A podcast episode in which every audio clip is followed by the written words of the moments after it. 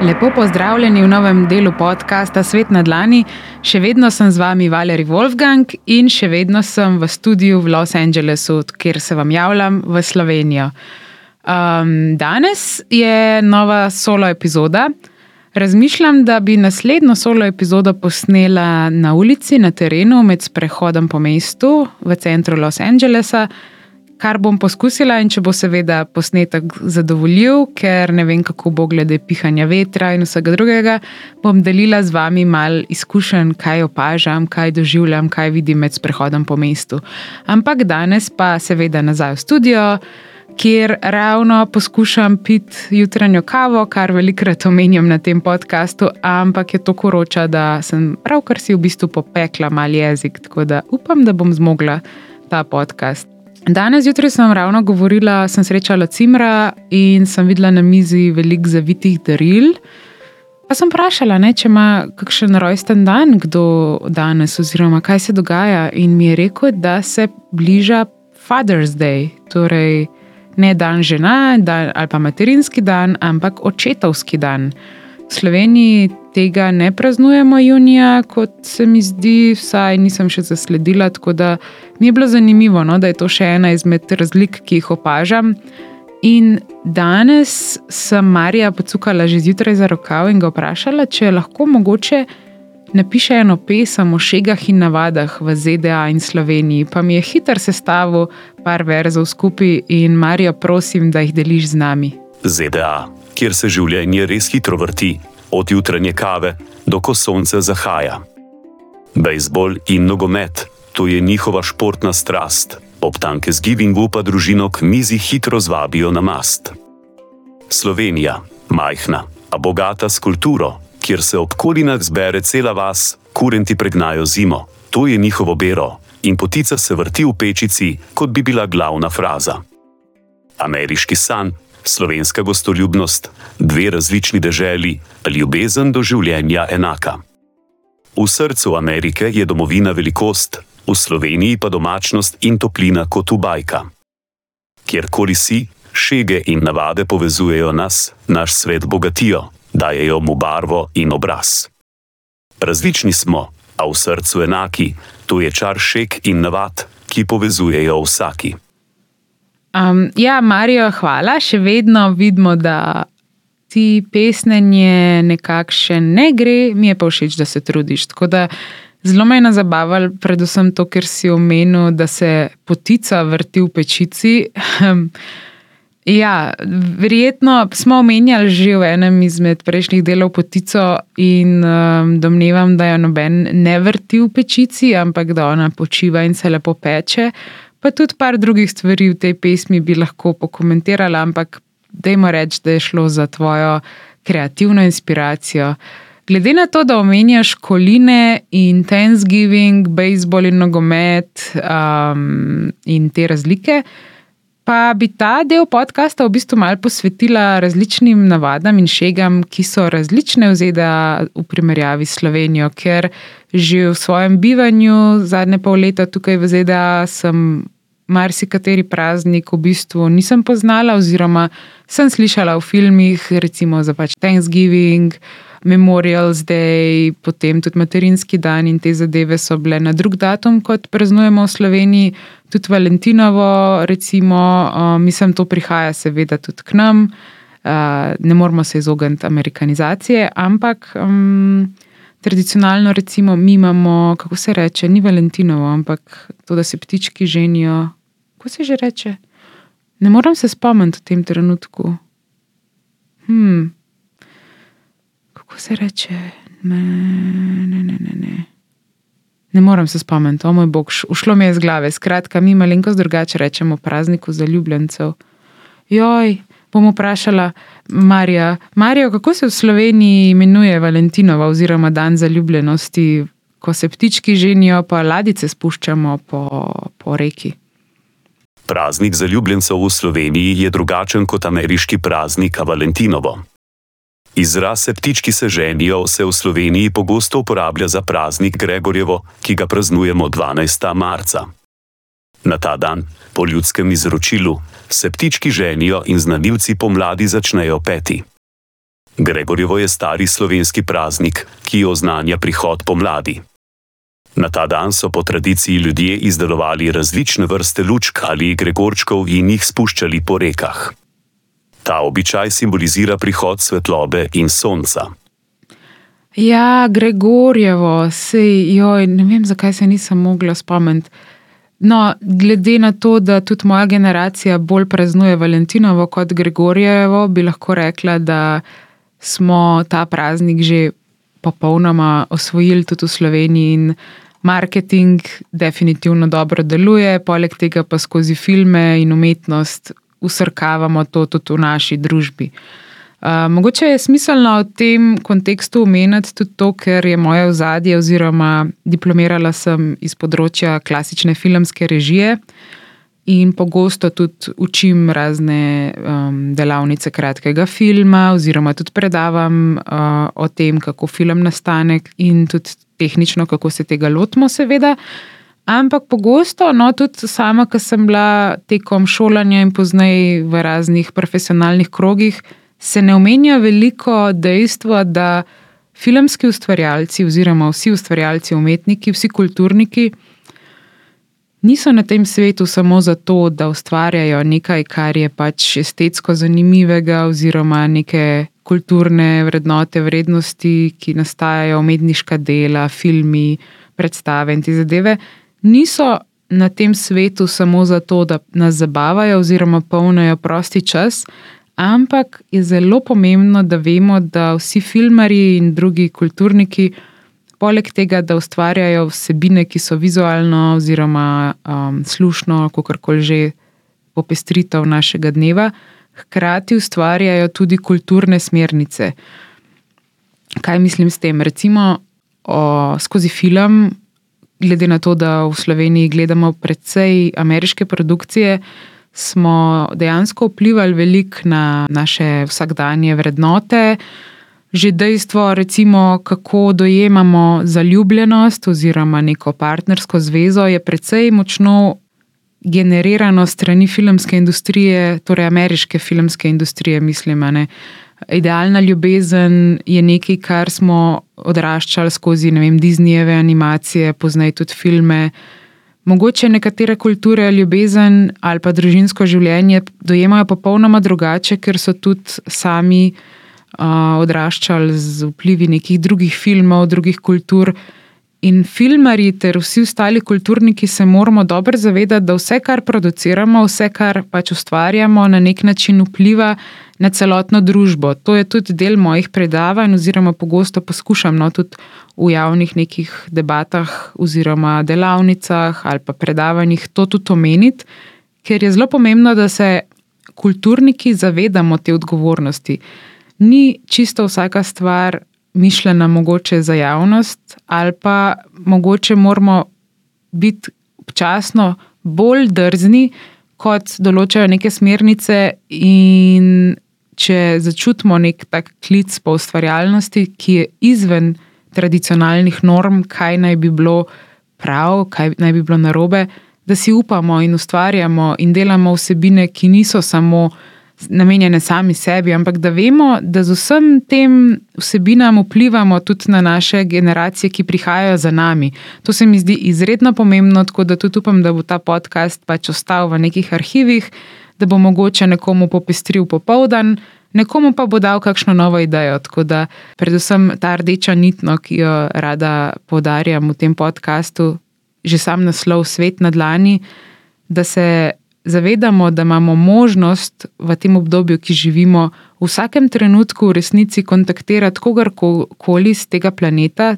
cel svet imamo na dlani, to pomeni, da imamo.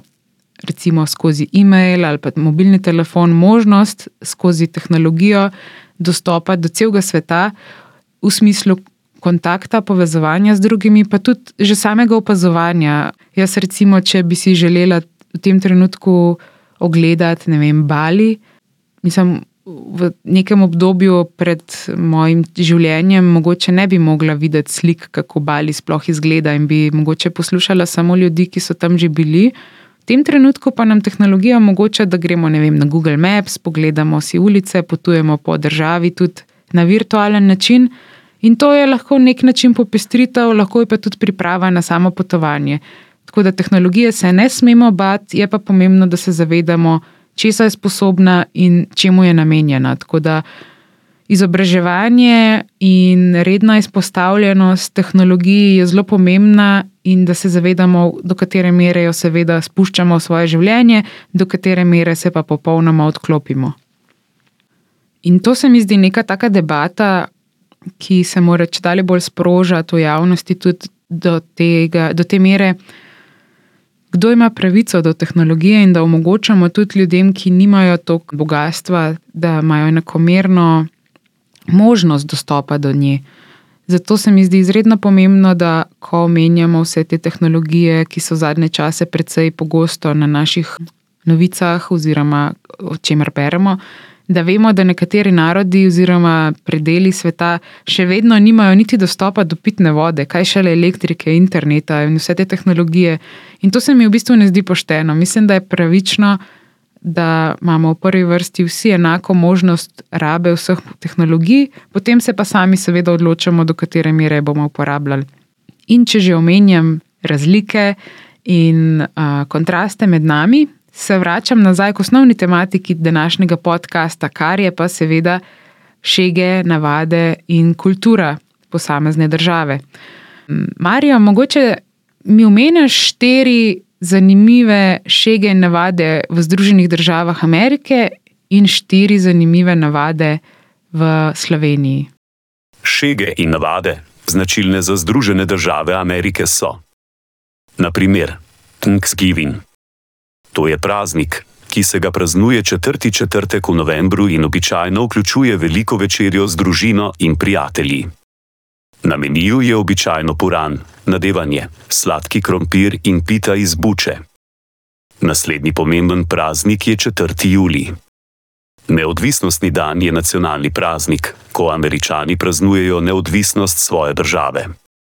Praznovanja običajno vključujejo piknike, parado in ognjemete. Pomemben dogodek je tudi Super Bowl nedelja. Super Bowl je letni finale ameriškega nogometa in je v ZDA skoraj da nacionalni praznik. Ljudje se zbirajo na zabavah, da bi gledali igro, oglasne bloke in polčasovno oddajo.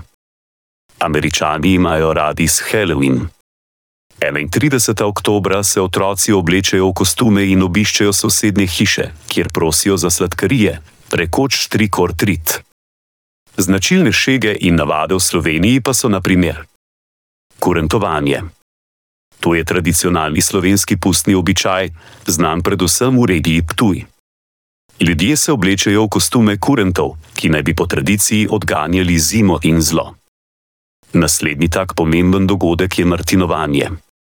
11. novembra Slovenci praznujejo Martinovo, ko se mošt spremeni v vino. Običajno je to čas velikih praznovanj z vinom in tradicionalno hrano, kot so pečena gos in mlinci. Zanimivo je tudi praznovanje Velike noči. Slovenci imajo nekaj unikatnih velikonočnih običajev, kot so blagoslov velikonočnih jedi, ki vključujejo šunko, hren, potico in pirhe. Slovenci radi prižigamo ogenj, kot naprimer na dan kresovanja ali dan svet Jane za krstnika. 24. junija Slovenci praznujejo dan kresovanja, ko po vsej državi prirejajo kresovanja. Ta običaj simbolizira prehod iz pomladi v poletje. To so le nekateri primeri šek in navad, ki so značilne za obe državi. Seveda pa sta obe državi veliki in raznoliki, zato se običaji lahko razlikujejo od kraja do kraja. Hvala, Marijo. Um, ja, zanimiv izbor si pripravil. Jaz bi mogoče katere druge še kaj navade omenila, ampak če se vrnem uh, k Thanksgivingu. Tukaj, uh, seveda, vse praznike in navade izredno se mi zdi uh, dramatično praznujejo. Saj moja cimra ko se bliža nek praznik, vsak mesec je nek tak večji praznik, da ne bo pomote, res je tega veliko. Se celotna hiša mora spremeniti temu prazniku, nekako vizualno tudi. Trenutno, se, ker se bliža Father's Day, imamo vse polštre vzglavnike na kavču, oblečene v bolj moške vzorce, neke brke, ne vem kaj vse. Na vratih imamo um, nek napis uh, We love our fathers, uh, se pravi, radi imamo svoje očete. Um, po celi hiši imamo pač okrašen neki v zvezi s tem, kako imamo vsi radi svoje očete. In ta ena cimra no, je sploh zelo navdahnjena. Vsakeč, ko se bliža nek praznik, celo hišo spremeni, vse vzglavnike, to vse, po mojem, cel teden hod po trgovinah in sam kupuje te dodatke. Meni načeloma je dokaj vseeno, važno mi je, da je hiša pospravljena, ker imam zelo rada red in čistočo in sem full vesela, da smo vsi trije v tej hiši zelo namenjeni, um, nagnjeni k temu, da radi pospravljamo in imamo tudi zelo urejeno. In tudi, če imamo ne vem, neko zabavo. Uh, ali pa ne vem, game night je takoj že isti večer, vse lepo, ne glede na to, koliko ljudi pride nekako do jutra pospravljeno, in pa smo vsi naprej v svojih službah zadovoljni in veseli. Tako da zelo cenim neko urejenost. Se mi zdi, da tudi ko si v urejenem domu, se mi zdi, da imaš lahko urejene tudi svoje misli in da si lahko splaniraš cel dan veliko bolj sproščeno.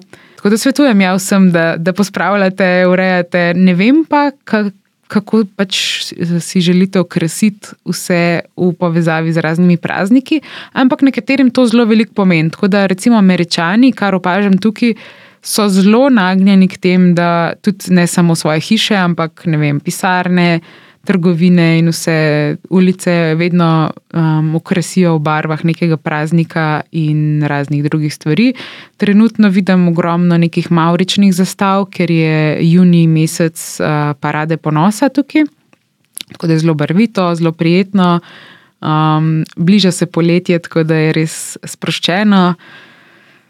Je pa, ja, seveda, vse skupaj povezano predvsej s potrošništvom, to me kar precej motno, ker potem tudi, ko, ko je določen praznik oziroma trenuten, trenutno mesec parade, imaš v vseh trgovinah vse produkte samo namenjene temu, da pač kupaš vse v tisti barvi, v, v duhu tistega praznika. In nekateri res vsak mesec potem menjajo, ne vem, celoten pribor, posodo, oblačila vse, kar je možno. Recimo te termovke, tukaj zelo radi nosijo sabo ogromne termoposode, v kateri gre 2-3 litre tekočine, in pol so te njihove termovke v barvah tistega meseca oziroma praznika, karkoli že praznujejo. Tako lahko rečemo, vsaj za Los Angeles. Zdaj ne vem, kako je v drugih predeljih ZDA. Ko sem bila recimo v New Yorku, nisem tako opazila, da bi bilo prav kaj specifično v določenem prazniku. V resnici me je kar precej šokiral, če sem iskrena, ker sem bila konec leta in potem, ko se je uh, bližal december, sem se res veselila, da bo vse. Tako kot v filmih, ki gledamo, da je okrašeno v duhu božiča in da bojo razni božički in lučke in ne vem kaj vse. Pa me je pa kar precej šokiral, ker kar precej predelov New Yorka ni bilo sploh nič božično okrašenih.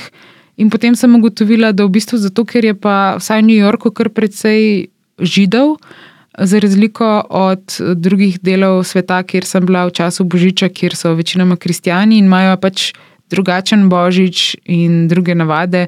Tako da zaradi tega ni bilo tako dramatično okrašeno, kot sem mislila in kot sem videla v filmih, ker jaz sem vedno mislila, da je New York v času Božiča trojno okrašen kot recimo Ljubljana pa sploh ni res. Tako da me je kar precej presenetil. Um, seveda pa nisem zdaj bila preveč razočarana v smislu, da je zdaj pa ni lučk, pa sem žalostna. Meni načeloma je tudi vseeno, če sem iskrena, so lučke ali ne. Ampak tako, zdaj se mi je, da bo to tam na ulicah. Uh, tukaj tudi recimo za novo leto v Los Angelesu sem tudi mislila, da bo. Um, ful, ne vem, praznovanje novega leta, ne vem kaj. Pa niti ni bilo tako dramatično, kot sem mislila. Bilo je celo bolj divje, vsaj v tem delu, kjer jaz živim. V času kitajskega novega leta, zato ker je kar precej jazicev. In to so mi tako lepe nianse, se mi zdi, v prostorih, kjer je ogromna multikulturnost in različni narodi, in potem šele v bistvu odkrivaš te najprej različne nivoje šeg in navad, ki so eh, predvsem tradicionalne za določeno skupino ljudi, ki jih recimo povezuje ista vera ali pa ne vem, ista rasa, država, iz kjer prihajajo. In vse potem skupaj lahko začneš analizirati, saj jaz tako recimo dojemam svojo izkušnjo življenja v tujini, tudi ko sem v kakšnih drugih državah. Da smo kot slovenci, če ne potujemo veliko, če pa smo samo na področju Slovenije, da imamo kar precej močen ameriški vpliv, kaj drugega pa v bistvu ne. Uh, saj moj krok ljudi, s katerimi se, sem ogromno v stiku, um, bi lahko rekla, da so nagnjeni predvsem do ameriških navad in kultur, in po moje to zaradi um, vpliva res teh serij, filmov, Netflixa in vseh drugih zadev, ki so nam nekako skupne. O tem mal več pišem tudi v novi številki ekrana. Ne vem, če je zdaj že išla, ko bo ta podcast zunaj, ampak zdaj v juniju naj bi nova številka išla. Ja, med drugim redno pišem za revijo Ekran že drugo leto ali tretje. Tako da vam svetujem, no, da si vsake tok jo mogoče pogledate, dobite jo v slovenski kinoteki, noter imate ogromno opisov, zanimivih filmov, industrije filmske. Skratka, kogarkoli zanima film, res svetujem, da se potopite v revijo Ekran, ki izhaja vsak drugi mesec in je kar obsežna. Zdi se mi, da bo tudi zdaj prijetno poletno branje uh, vsem, ki odhajate na morje, oziroma ste že na morju. Tako da res toplo priporočam. Če pa se vrnem nazaj k navadam, Marijo, omenil si kurentovanje. Kurentovanje se mi zdi eno tako zelo lepo kulturno dogajanje v Sloveniji. Tukaj sem parkrat pokazala našega kurenta američanom in so bili kar precej šokirani, ker oni nimajo tega. Gre pa res za to pogansko kulturo, ki izhaja še zelo, zelo izpred časov Slovenije, menda celo kar precej nazaj pred Jugoslavijo. In mi je res zanimivo, kako se je to ohranilo skozi stoletja, desetletja. Ne vem, nisem antropolog. Mi je pa všeč, kako te stvari dejansko grejo iz generacije v generacijo. In bila sem kar presenečena pred časom, ko sem bila v muzeju, mislim, da na Ptuju, v muzeju Kurentov. Ne vem, nažalost, kako se ta muzej imenuje, ampak notor sem si ogledala kar nekaj primerkov razvoja kurenta, tudi drugih variacij te uh, mistične, mitološke figure. In res mi je fascinantno, kako kvalitetno je zadeva izdelana in tudi kako vizualno zanimivo je vse skupaj, pa tudi sam namen celotnega praznika se mi zdi res izjemen, da pač te neke kreature oziroma ta bitja preganjajo na nek način zimo in odpirajo prostor novemu obdobju rodnosti.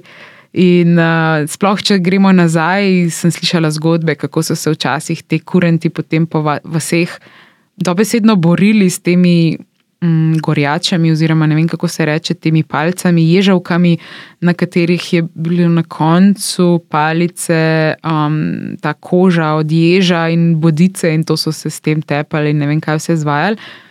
Ne vem, ali je bilo to povezano tudi s časom kolin. Koline so še ena taka, se mi zdi, šega in navada, ki pač če dalje bolj izumira. Je pa to bilo, vsaj v mojem otroštvu, kar precej prisotno. Jaz sem bila kot otrok kar pogosto tudi prisotna na teh kolinah, pač nekje v ozadju, ker mi tako kot otroku ni bilo jasno, kaj se dogaja. Mi je bilo samo pač mal um, strašljivo, ker je šlo za ubijanje neke živali ampak kot celoten obred in druženje je pa to ja, nek tak običaj, ki ga še zdaj imajo določena plemena po svetu, ki jejo živali in jih gojijo kar dolg časa in se potem pač poslovijo od nje. In uh, kljub temu, da se sliši kar grozen, to um, pač koline kot take, se mi vseeno zdi, vsaj v, v nekem obdobju, no, v preteklosti, da je bilo veliko bolj smiselno, da so ljudje pač imeli te koline vsake, ne vem, par mesecev in so pač uh, žrtvovali bil manj živali, zato da so imeli za prehrano čez leto. Zdaj pa ta masovna potrošnja in dobesedno rejenje živali po tekočem traku, na tekočem traku, brez nekih normalnih življenjskih razmer, je čist šlo izven vseh možnih okvirjev. Tako da same koline in naše življenje v preteklosti, mislim, da je bilo veliko bolj vzdržno, kar se tiče naše družbe. Zadnje čase sem kar pogosto slišala neke novice tudi o tem, koliko velik procent amazonskega gozda se vsako leto krči, ravno zaradi živinoreje. In na črno pač sekajo res ogromne površine, da lahko um, gojijo neskončno teh živali.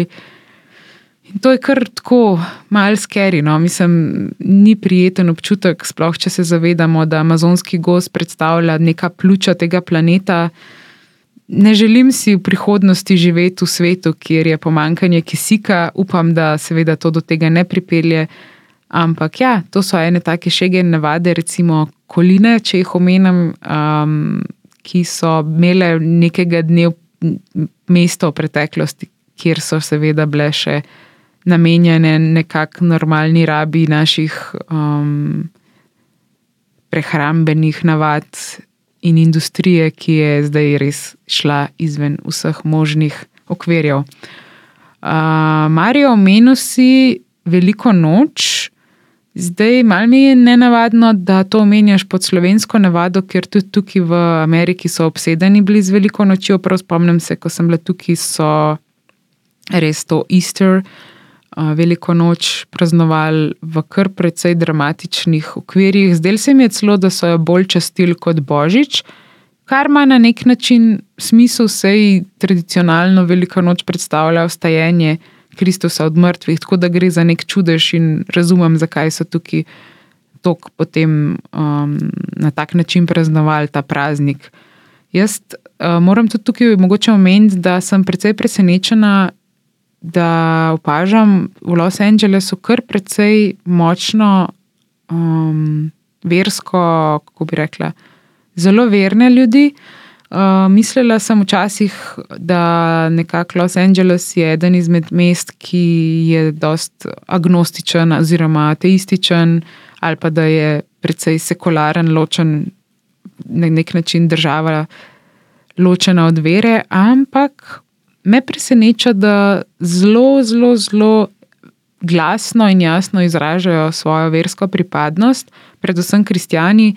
Na avtomobilih imajo veliko nalepk v smislu, da Jezus me opazuje ali pa Jezus je moj prijatelj, Jezus je vedno z mano. Uh, tukaj v centru mesta je neka crkva, ki ima ogromen napis, na kateri piše, uh, Bog ima vašo sliko v svoji denarnici. Tako da ne vem točno, kaj mislijo s tem, kakšno denarnico ima Bog. Ampak ja, Amerika je predvsem potrošniška, tako da mogoče je ta citat nekako smiselen. In uh, tudi preseneča me, no, da je ogromno mladih, uh, mlajših celo od mene. Tok vernih, da res hodijo k veruku, cele dneve imajo neka verska srečanja, tudi na kampusu tukaj imajo pač uh, vse nekakšne predstavnike različnih ver, od židov, muslimanov, tudi budistični klub je in te zdaj. Ampak sploh krščanski klub je pa se mi zdi najbolj aktiven in močen, in tudi vem, vsak teden imajo kakšen štand eh, tukaj v parku. In imajo neke dogodke, um, srečanja, in se res zelo družijo. No, tako presenečena sem, da imajo tako aktivno to skupnost, ker vsaj za razliko od Slovenije, pa sem rasla v zelo vernem okolju, moram priznati, da nisem nikoli videla tako glasnega in jasnega izkazovanja vere, kot sem ga doživela tukaj. Mogoče je to tudi ena izmed razlik med evropejci in američani. Ne vem, zdaj posplošujem, ampak pogovarjala sem se pred kratkim tukaj z enim. Tudi doktorskim kandidatom, ki je um, tukaj iz Pariza, francos. In je tudi sam mi rekel, da ga je recimo najbolj presenetilo, ker je prišel sem to, kako so glasni in jasni eh, mladi, kar se tiče vere, da je tudi on malo bil presenečen in da se mu zdi, da mogoče je procentualno tukaj enako vernih ljudi kot. Krščanstva, recimo, bom prvo krščanstvo izpostavila, ker nimam toliko drugega stika z ostalimi verami. No, da so kristijani tukaj v enakem številu procentualno, ampak so veliko bolj glasni, kar se tiče oznanjanja vere, ker za razliko v Evropi, se, če se dotaknemo pač vere in verovanja v Boga in teh zadev, je tudi on rekel, no, in to bi se kar strinjala, da mi izražamo vero na tak bolj intimen način, to je neka osebna stvar, uh, ki je del družine, del nekega šegi navad. Torej, lastne družine, ne pa družbe. Za razliko od američanov, kjer se mi zdi, da je vera nekaj, kar je skupnega, neka skupnost, in uh, tudi ogromno je nekih, recimo, plakatov po mestu, da bo vem, v petek v tej cerkvi nek kuharski tečaj, pač vabljeni vsi, ali pa ne vem, šahovski večer in te zadeve. In res vsi aktivno se udeležujejo teh srečanj.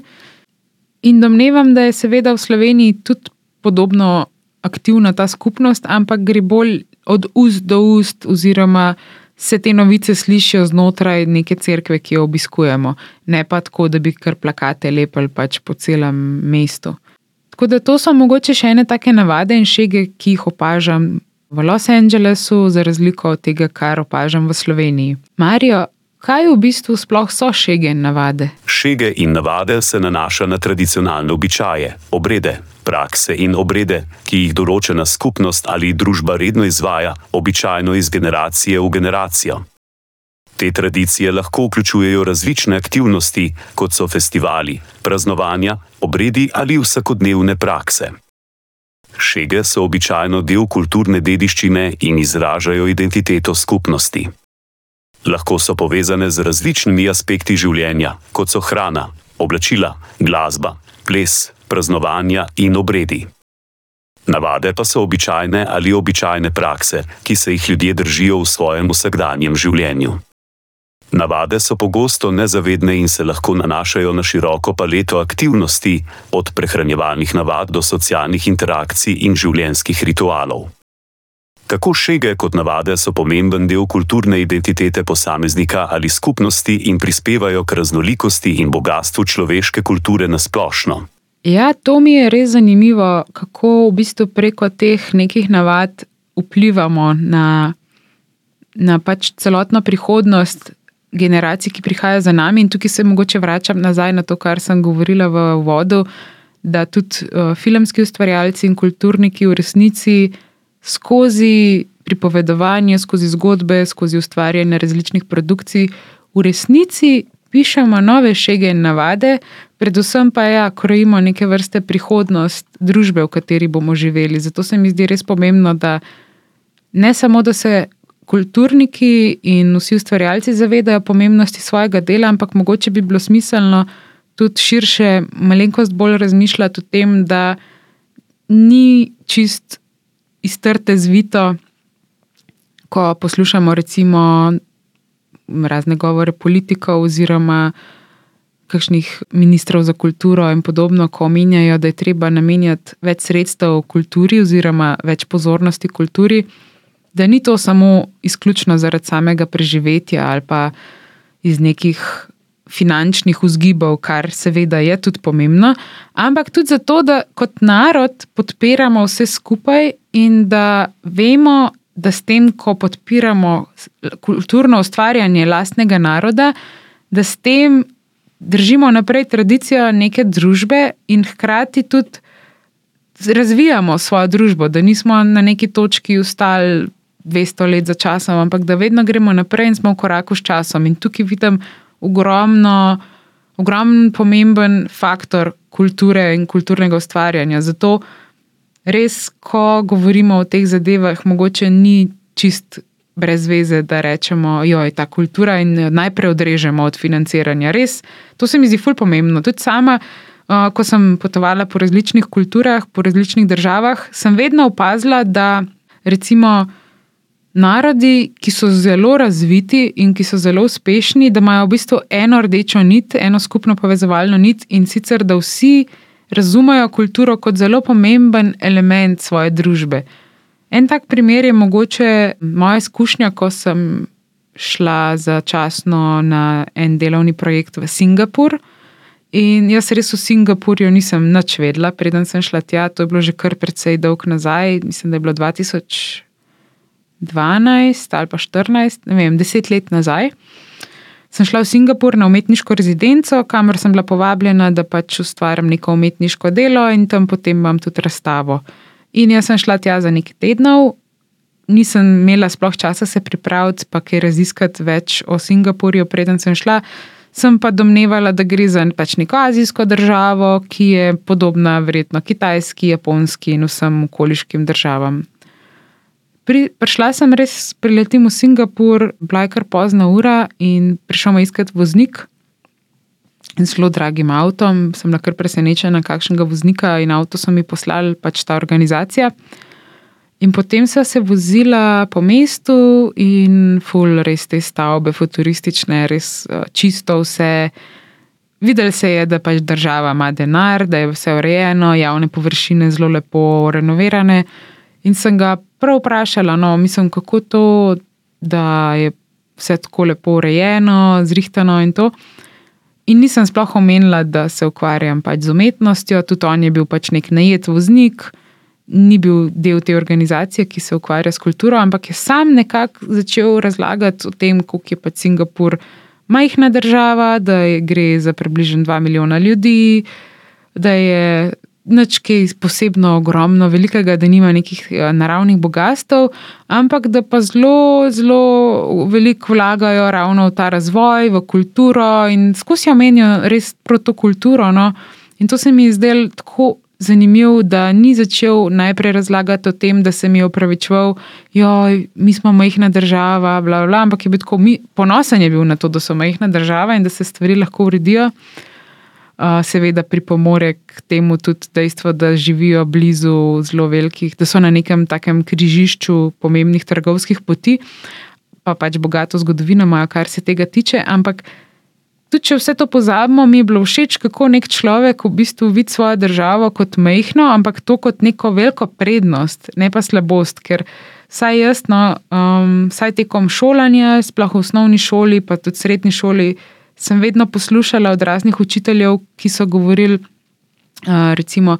Ja, mi pa nimamo tako visokih standardov, ker smo pa manjša država, pa nimamo tako močnega trga. Bla, bla. In je bilo skozi v bistvu vedno to poudarjeno, mi smo mala država, kot da je to nekaj res slabega. Ampak mogoče, če mal po, mm, ko bi rekla, probamo se uživeti v neko vlogo, mogoče pa malega igralca na velikem trgu, da pa bi morali spremeniti, obrniti to ploščo, pa si reči, super, da smo majhni, zdaj se pa lahko zmenimo in naredimo zadeve tako, da bojo štimale. Ampak ja, se vemo vsi, kako je naša politika skregana, konstantno se vse čas pogovarjamo samo o tem, kdo je kriv in kdo koga ne mara, in to mi gre res na živce. Um, tako da tudi sama nisem preveč aktivna na tem področju. Moram povedati, da kot še študentka sem si zelo želela, seveda, biti malo bolj aktivna. Bila sem tudi predsednica diaške skupnosti, um, srednje šole za oblikovanje in fotografijo. Aktivna sem bila v Dijaškem parlamentu, v Evropskem Dijaškem parlamentu, sem tudi uh, šla kar nekajkrat v tujino, kot pač še dijakinja, zastopati um, glas dijakov Slovenije. Um, in se mi je zdelo tako zelo perspektivno, tudi kasneje, še v času um, faksa. Na faksu sem bila predsednica študentov Univerze v Novi Gorici. In tako, no, sem se probala malo bolj angažirati, ampak več, ko sem imela zapovedati in nekaj idej deliti in izkušenj iz tujine, bolj je bil moj glas utišan in mislim, da če bi daljnoročno še malo bolj ustrajala pri tem, bi, bi bile moja, kako bi rekel, kolena. Polena pod koleni, vse čas. Tako da to sem res čutila močne pritiske in sem nekako ugotovila, da bijem boj z mlini na veter ne bom rekla, da se ne bom nikoli vrnila več v te čevlje, ampak vsaj zaenkrat sem jih pustila na strani, ker sem bila kar precej žalostna, no, da se moram vse čas samo ukvarjati z ljudmi, ki mi prepričujejo pač kakršno koli uh, izvajanje nekih super rešitev. Ampak se res ukvarjajo samo s tem, da ostanejo njihove pozicije nedotaknjene, in da se gre samo za gretje stol, stolčkov, to besedno. In še vedno imam te občutke, že tukaj načeloma ne spremljam toliko slovenskih novic, ker uh, imam tudi ostalih drugih zadev, kar precej in nimam časa. Ampak pred kratkim sem si ogledala neke oddaje slovenske pogovorne, ki, ki so gostje bili pač naši politiki.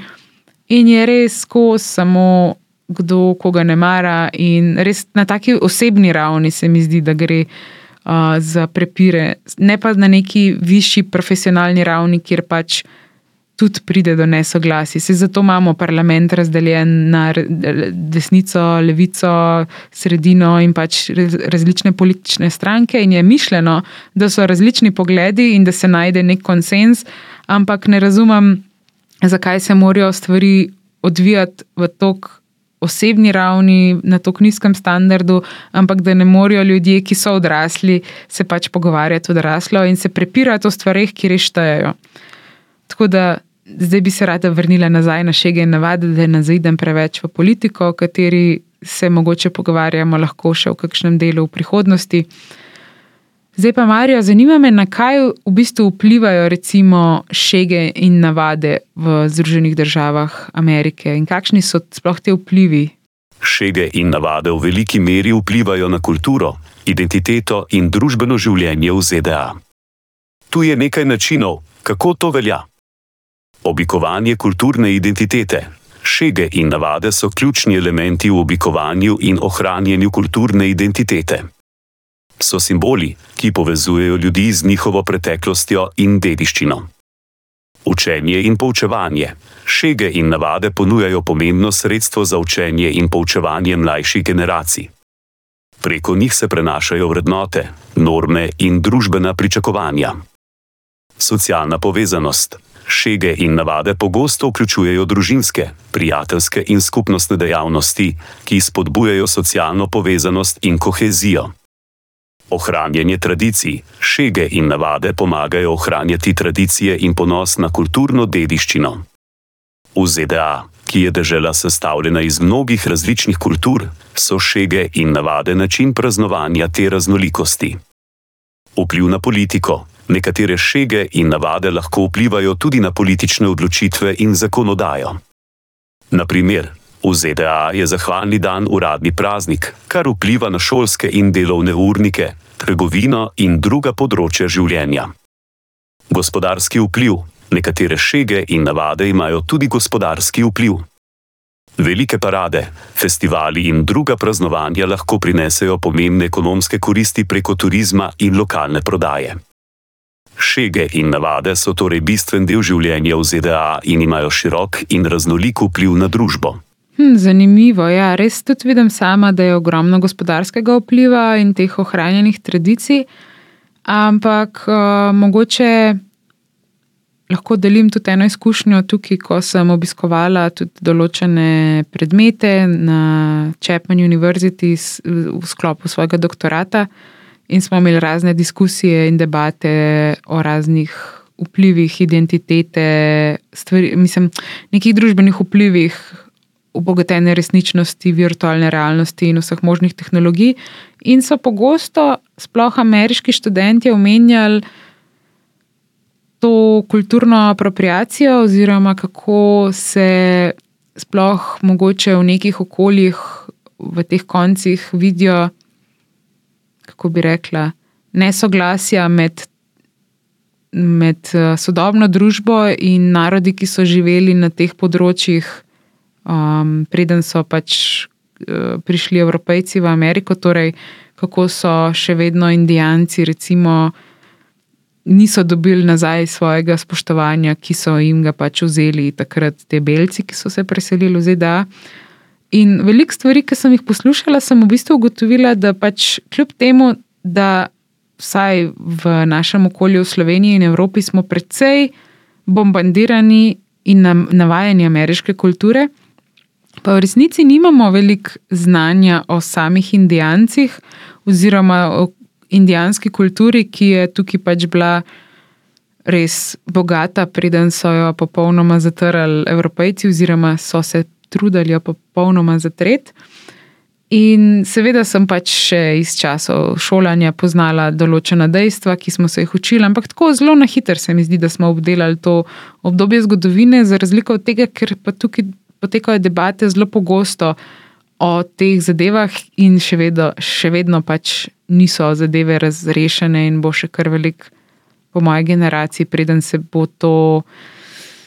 Ne bi rekla razrešilo, ker to se ne bo nikoli, pač to so bile res grozno obdobje v zgodovini, ki ne more biti kar pozabljeno oziroma razrešeno, ampak mogoče na nek način izkazano spoštovanje, malenkost bolj kot trenutno.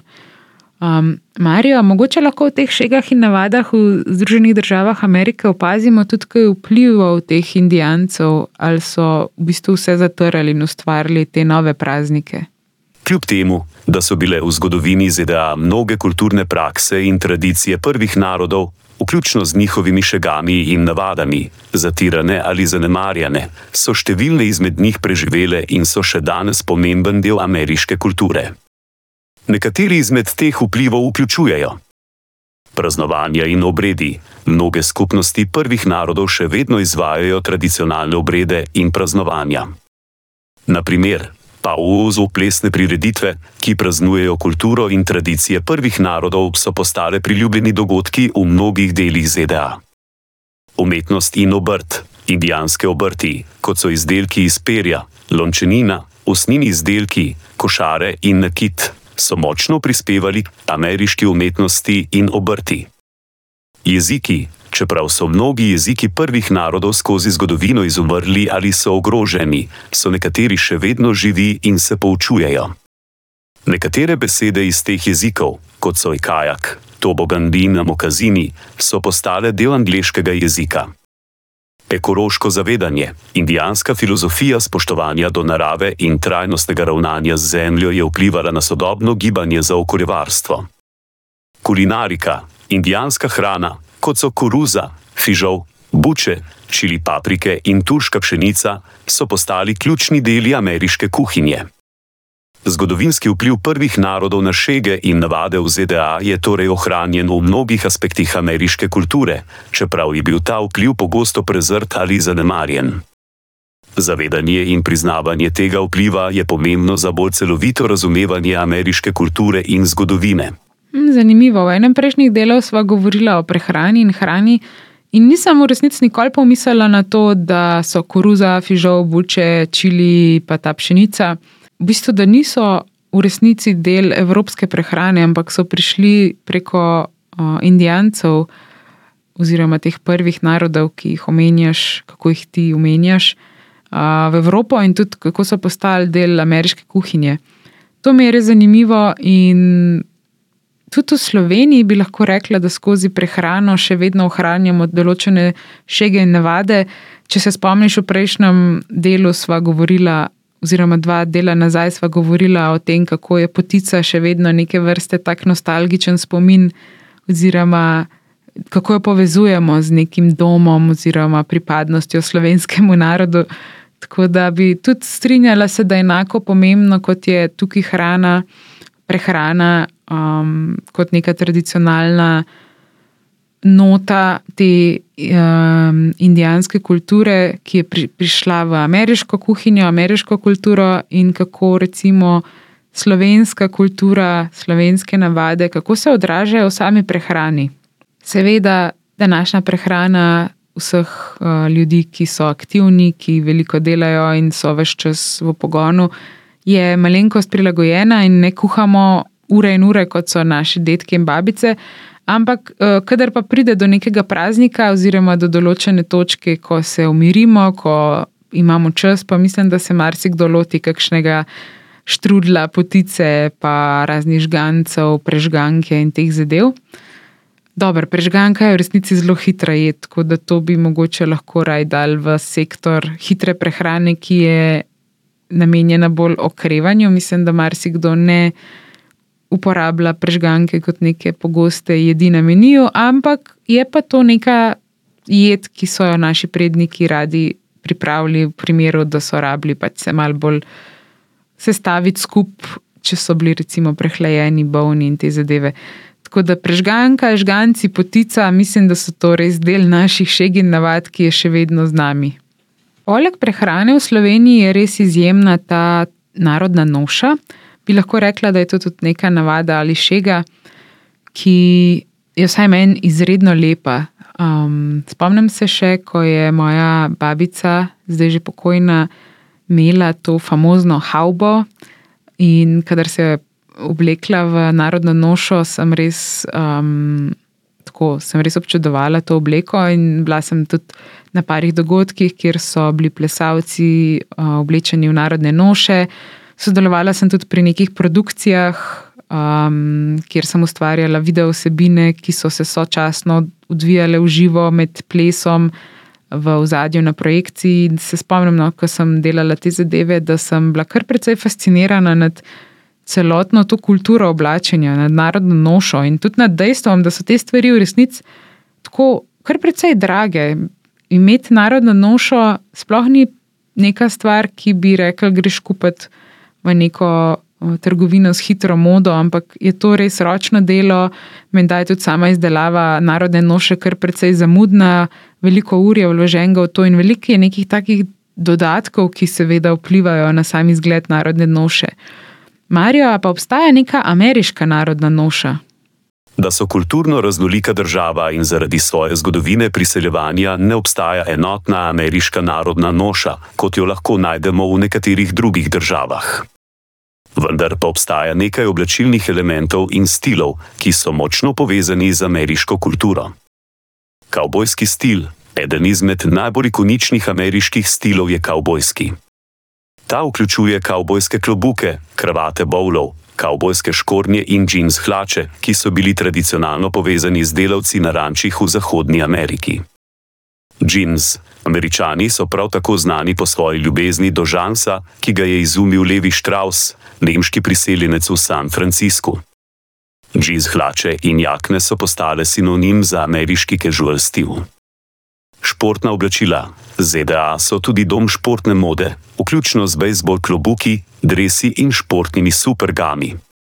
Ti so pogosto povezani z ameriškimi športi in športnimi ekipami oblačila prvih narodov, nekatera oblačila prvih narodov, kot so perjenice, mokazini in fringe jakne, so tudi del ameriške folklorne dediščine, čeprav je uporaba teh elementov v sodobni modi pogosto predmet debate zaradi vprašanj kulturne apropriacije ker je ZDA mešanica številnih kultur in njena narodna noša pravzaprav kombinacija različnih stilov in oblačil, ki odražajo različne skupine in regije znotraj države. Um, aha, ok, torej ni neke narodne noše ameriške, sej tako, če pomislim, v resnici res dele trenutno nimam v spominu, da bi videla prav neka posebna oblačila. Mal mi je smešen, ker omenjaš ta športna oblačila in superge in ta stil oblačenja dejansko mi je bilo zelo zanimivo, tudi ko sem prišla um, sem na to univerzo in so mi predstavili sodelavce in študente, in potem tako malo me upeljali noter ne, v delovni proces. In me je že takoj prvi dan, ne vem, je bil dekan ali ne vem, nekdo izmed bolj vodilnih kadrov. Mi je tako malo povlekel na stran, pa rekel: Veš, ne biti preveč presenečena, ker tukaj pridejo kakšni profesori tudi v kroksih v šolo, pa um, tako v kakšnih trenirkah, da ni treba, mislim, tudi tebi se ni treba zdaj ful lepo oblačiti, če ne želiš, lahko si bolj sproščena, no, tako na ta način, kot da ni zdaj nekega. Um, ko bi rekla, kodeksa oblačenja. In to se mi je zdelo kar tako malo hecen, ker nikoli prej nisem, mi noben ni še to rekel, da naj bom, da kar naj se ne sekiram, Uh, ker meni se zdi res pomembno, da če pridem pač v razred ali pa na neko predavanje, da ne zdaj, da se ne vem, kaj vse zrihtam. Ampak tako, neko spoštovanje do delovnega mesta se mi zdi, da prideš čist, stuširan, lepo počesan in v nekih oblačilih, ki so primerna za delovno mesto, ne pa pač v nekih kroksih in ne vem, v papučih ali kako ne rečem. Zato ker se mi zdi, da pač ko si res uno v neki preveliki trenerki in kroksih, si tako sproščen, doma na kavču, ne vem kaj. Ko si pa na delovnem mestu, pa pokažeš neke vrste spoštovanja do dela s tem, da se pač primerno urediš. In tega se še zdaj držim, pridem vedno v pisarno v neki srajci, nekih hlačah, ki niso zdaj. Um, ne vem kaj, ampak tako, niso raztrgane in ponošene. moji sodelavci, pa ja, tukaj so kroksi zelo popularni in mi tako. Kar malo smešen, ker vsaj v Sloveniji imamo občutek, da vsaj s kroksi ne gremo na neko univerzo, ampak jih imamo tako, za, ne vem, mogoče jih ima kdo za pomestu, kar mi je sicer bizarno, ker kroksi so mi pa res tako, pač meni osebno, to je zdaj čist moje osebno mnenje. Če, če ima kdo rad krokse, ker še naprej upam, da boste v njih uživali. Ampak tako, no, pač neki taki natikači so, ne več tazga. Um, in mi je zanimivo, ko Marijo, ko to omenjaš kot tradicionalno ameriško nošo, športna oblačila in mogoče zaradi tega, ker res ja, ta superge in vse te zadeve, ki so načeloma očitno produkt Amerike, da se to odraža tudi na načinu dojemanja oblačenja znotraj delovnih mest in v pisarnah. Tega v resnici ne bi mogla posplošiti, ker um, če sem šla parkrat v službo pogledat k Cimrama, ki delata malenkost bolj korporativne službe, tam so vsi pač v kravatah in uh, pač res urejeni. No, ampak vsaj znotraj univerze me je presenetila ta sproščenost in um, moram priznati, da me kdaj res šokira in sem vesela, da, da me je ta dekan upozoril, da ni mišljeno, da so vsi pač v nekih uradnih oblačilih, ampak da so tudi veliko bolj sproščeni. Tako da v redu, sprejmem to. Rečemo, da je to tradicionalna ameriška narodna noša.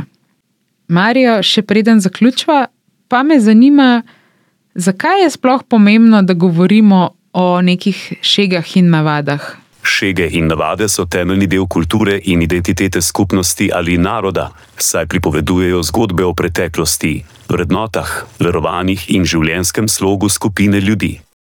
Razumevanje teh tradicij omogoča globlji pogled v kulturno identiteto skupnosti in pomaga ohranjati te tradicije za naslednje generacije. Govoriti o šegah in navadah ni samo sredstvo za ohranjanje tradicije, ampak tudi orodje za izobraževanje. Zgodbe in rituale, ki jih vsebujejo, lahko ponudijo pomembne življenjske lekcije in modrost. Poleg tega se z razumevanjem šek in navad drugih kultur razvija medkulturno razumevanje, kar lahko vodi do boljše komunikacije, večjega spoštovanja in mirnejšega sožitja med različnimi skupnostmi. Za posameznike lahko šege in navade ponudijo občutek pripadnosti in identitete, ki je ključen za razvoj osebnega razumevanja lastne kulturne in družbene vloge. Na zadnje, šege in navade so del naše kulturne dediščine, ki obogati našo družbo in nam pomaga razumeti, kdo smo in odkot prihajamo. Hvala, Marijo, da si to delil z nami. Ja, v bistvu se strinjam, res te zgodbe in rituale je treba ohranjati. Um, upam, seveda, da v duhu povezovanja narodov, ne želim si, da bi razne šege in navade še bolj delile družbo, ki je že tako kar precej razdeljena in mislim, da je več kot dovolj sovraštva med nami.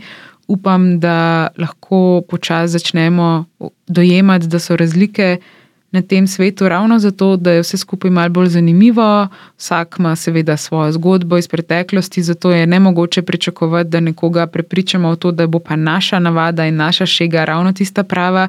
Ker če nekdo prihaja iz popolnoma drugega kulturnega okolja, z drugo vero, z drugim vem, življenjskim slogom, je čist brez veze prepričevati to osebo v nekaj, kar mi verjamemo, ker je zgodovina te osebe seveda popolnoma drugačna. To je po moje, če lahko malo karikiram, tako kot da bi probal prepričati nekoga, da je pa ravno. Da so pa moji starši edini pravi starši, ne pa starši, mislim, da so pa starši druge osebe, pač niso pravi starši. Tako, brez veze se je o teh stvarih prepirati. Um, tudi, kot sem že omenila, sovraštva je več kot dovolj na tem planetu, zato dajmo delati vse, da probamo to sovraštvo pregnati iz tega sveta, ali pa vsaj sami pri sebi skrbeti za to, da poskušamo predvsem podpirati drug drugega, da dajemo prostor, možnost in tudi čas, da se vsak izmed naše bližnje okolice lahko vsaj malo izraža. Problem je, kar vidim zadnje čase, predvsem tudi med mladimi, da se ne poslušamo, ampak samo srkavamo neka mnenja fiktivnih oseb na internetu in pol to pač poskušamo drugmu nekako uliti v glavo.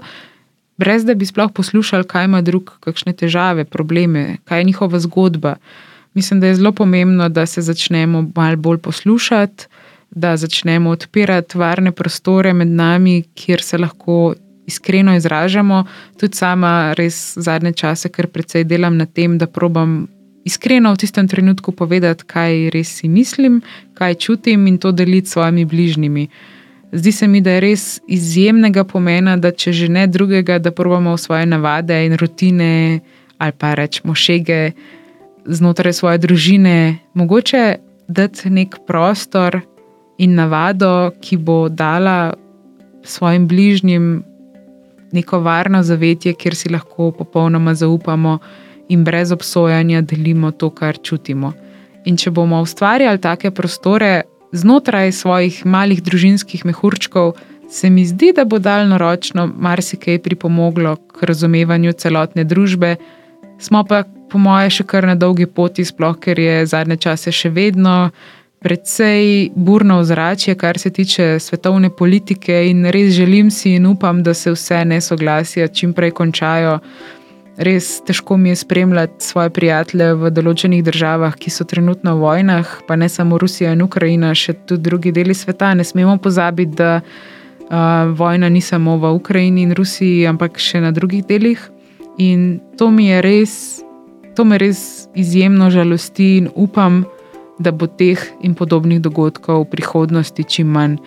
Mogoče, mogoče, ampak res samo mogoče nam bo pri tem pomagala umetna inteligenca, ampak glede na trende preteklosti, kako smo tehnologijo izrabljali tudi za neke določene slabe namene, imam občutek, da zna iti zgodba v drugo smer.